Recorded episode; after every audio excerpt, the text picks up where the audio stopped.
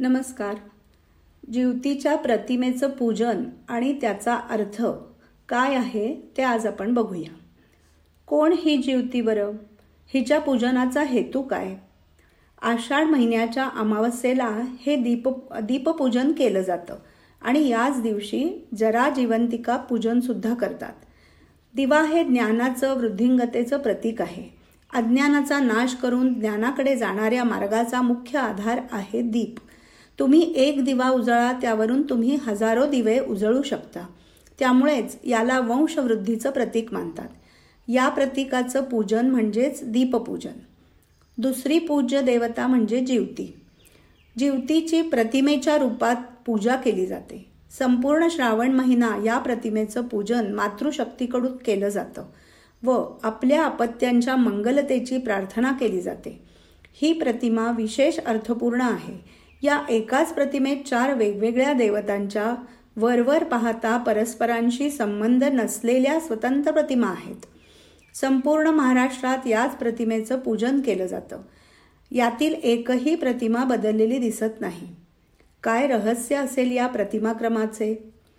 जीवती प्रतिमेत प्रथम नरसिंह नंतर कालिया मर्दन करणारा कृष्ण मध्यभागी मुलांना खेळवणाऱ्या जरा जीवंतिका आणि सगळ्यात खाली बुध बृहस्पती यांचा समावेश असतो. याच क्रमात त्यांना पूजले जाते त्याची कारण मीमांसा. प्रथम भगवान नरसिंहच का? भगवान विष्णूंचा चौ चौथा अवतार असलेले नरसिंह आपल्या बाळभक्तासाठी प्रगट झाले. ही कथा आपल्या सर्वांना परिचयाची आहे. बाळ प्रल्हादाचे हिरण्यकश्यपूपासून म्हणजेच दैत्यांपासून रक्षण करणे याच मूळ उद्देशाने भगवंताने हा अवतार धारण केला. बालकांचा रक्षक आणि बालभक्तासाठी अवतार धारण केलेली देवता म्हणून भगवान नरसिंह या प्रतिमेत पूजले जातात. म्हणजेच नरसिंह घरात ओढवणाऱ्या आपत्तीपासून बाळाचा बचाव करतात. जसे उंचावरून पडणे अन्नातून कधी विषबाधा होणे आगीपासून होणारी हानी इत्यादी. त्यानंतर येतात कालियामर्दन करणारा श्रीकृष्ण.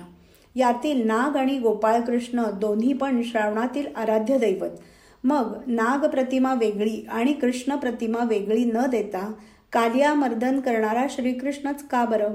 आपण जर कालियामर्दन प्रसंगाचा विचार केला तर लक्षात येईल की या प्रसंगात कृष्ण आणि त्याचे मित्र खेळत असताना त्यांचा चेंडू यमुनेच्या डोहात गेला आणि कृष्णाने तो परत आणला.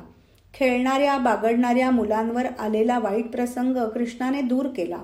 तसेच कालियाला न मारता त्यालाही अभय देऊन दूर जाण्याचा आदेश दिला. नाग हा सरपटणाऱ्या प्राण्यांमध्ये मुख्य मुख्य सरपटणाऱ्या प्राण्यांपासून वाचवणारा. त्याचबरोबर महत्त्वाच्या प्राण्यांना अभय देणारा.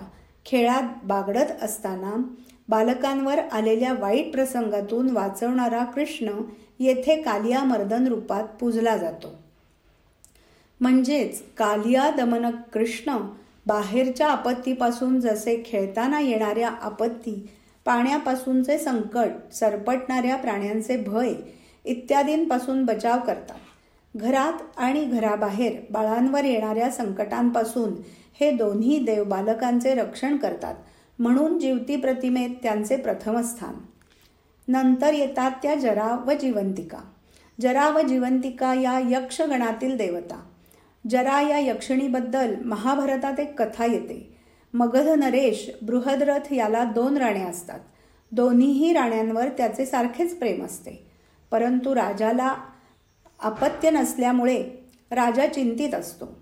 याच सुमारास नगरजवळील उपवनात ऋषी चंडकौशिक आल्याचे राजाला समजते. राजा त्यांचे दर्शन घेऊन आपली चिंता प्रकट करतो. ऋषी राजाला प्रसादात आंबा देतात व राणीला खायला द्या म्हणून सांगतात. दोन्ही राण्यांवर समान प्रेम असल्यामुळे राजा आंब्याचे समान भाग करून राण्यांना देतो. कालांतराने दोन्ही राण्यांना पुत्र होतो परंतु केवळ अर्धा अर्धा. अशा विचित्र आणि अर्धवट अर्भकांना राजा जंगलात नेऊन टाकतो. त्याच वेळेस तेथून जरा नामक यक्षिणी जात असते. ती दोन्ही अर्भक तुक अर्भक तुकड्यांना हातात घेते आणि आपल्या अवयव सांधण्याच्या कलेने दोन्हीही शकल सांधते. जरा ते सांधलेले अर्भक संध्या समयास बृहद्रथ राजाला आणून देते. जरा यक्षिणीने सांधले म्हणून राजा त्याचे नाव जरासंध ठेवतो. आणि जरायक्षणीच्या उपकाराप्रित्यर्थ नगरात देऊळ बांधून तिला मगधाच्या इष्टदेवतेचा मान देतो. त्याचप्रमाणे जरादेवतेचा वार्षिक महोत्सव सुरू करतो. अशी ही जरादेवी. जारेचीच सखी जिवंतिका. जिवंतिका या शब्दाचा अपभ्रंश जीवती. जिवंतिकेचा अर्थ होतो दीर्घायू प्रदान करणारी. बालकाच्या दीर्घायुष्याची कामना करून या देवीची पूजा करतात. ही देवी पाळण्यात व आजूबाजूनी बालकांना खेळवते अशा रूपात दाखवतात. प्रतिमेत सगळ्यात शेवटी येतात बुध व बृहस्पती. बुध हा ग्रह हत्तीवर बसलेला असून हाती अंकुश धरण करतो. तर बृहस्पती वाघावर बसलेला आणि हातात चाबूक घेतलेला दाखवतात. बुधाच्या प्रभावाने जातकाला अलौकिक बुद्धिमत्ता आकर्षक व्यक्तिमत्व वाक्पटुत्व इत्यादी गुण प्राप्त होतात. तर बृहस्पतीच्या प्रभावाने शैक्षणिक प्रगती आध्यात्मिक उन्नती विवेकबुद्धी जागृत होते. बुधाचं वाहन हत्ती. हत्ती हे उन्मत्ततेचं प्रतीक आहे. मानवी मनाला येणारी उन्मत्तता आपल्या बुद्धिमत्तेने व्यक्तिमत्वाचा व्यक्तित्वाचा अंकुश घालून आवर घालावा हे बुध प्रतिमेवरून लक्षात येते. बृहस्पतीचं वाहन वाघ. हे अहंकाराचं प्रतीक आहे. मानवी मनाला अहंकार लवकर चिकटतो. अहंकार मानवाच्या सर्व प्रकारच्या प्रगतीमध्ये व आध्यात्मिक साधनेतही बाधक ठरतो. त्यावर आपण ज्ञानाच्या गुरुकृपेच्या आशीर्वादाने ताबा मिळवावा हे बृहस्पती प्रतिमा आपल्याला शिकवते. म्हणूनच बुध बृहस्पती यांनासुद्धा जीवती प्रतिमेत स्थान मिळालं. प्रथम रक्षक देवता. नंतर जन्मलेल्या बालकाचे रक्षण व दीर्घायुष्य दीर्घायुष्य देणारी ही देवता.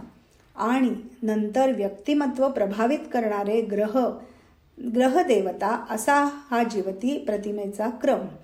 एका मातृशक्तीने दुसऱ्या रक्षक व पालक शक्तीचे केलेले पूजन म्हणजेच जीवती पूजन. जगातील सर्व प्राणीमात्रांच्या उज्ज्वल भविष्याची रक्षणाची प्रार्थना म्हणजेच जीवती पूजन. जरे जिवंतिके देवी बालयुक्ते प्रमोदिनी रक्षावर्ते महाशक्ती पूर्णकामे नमोस्तुते. हरिओम.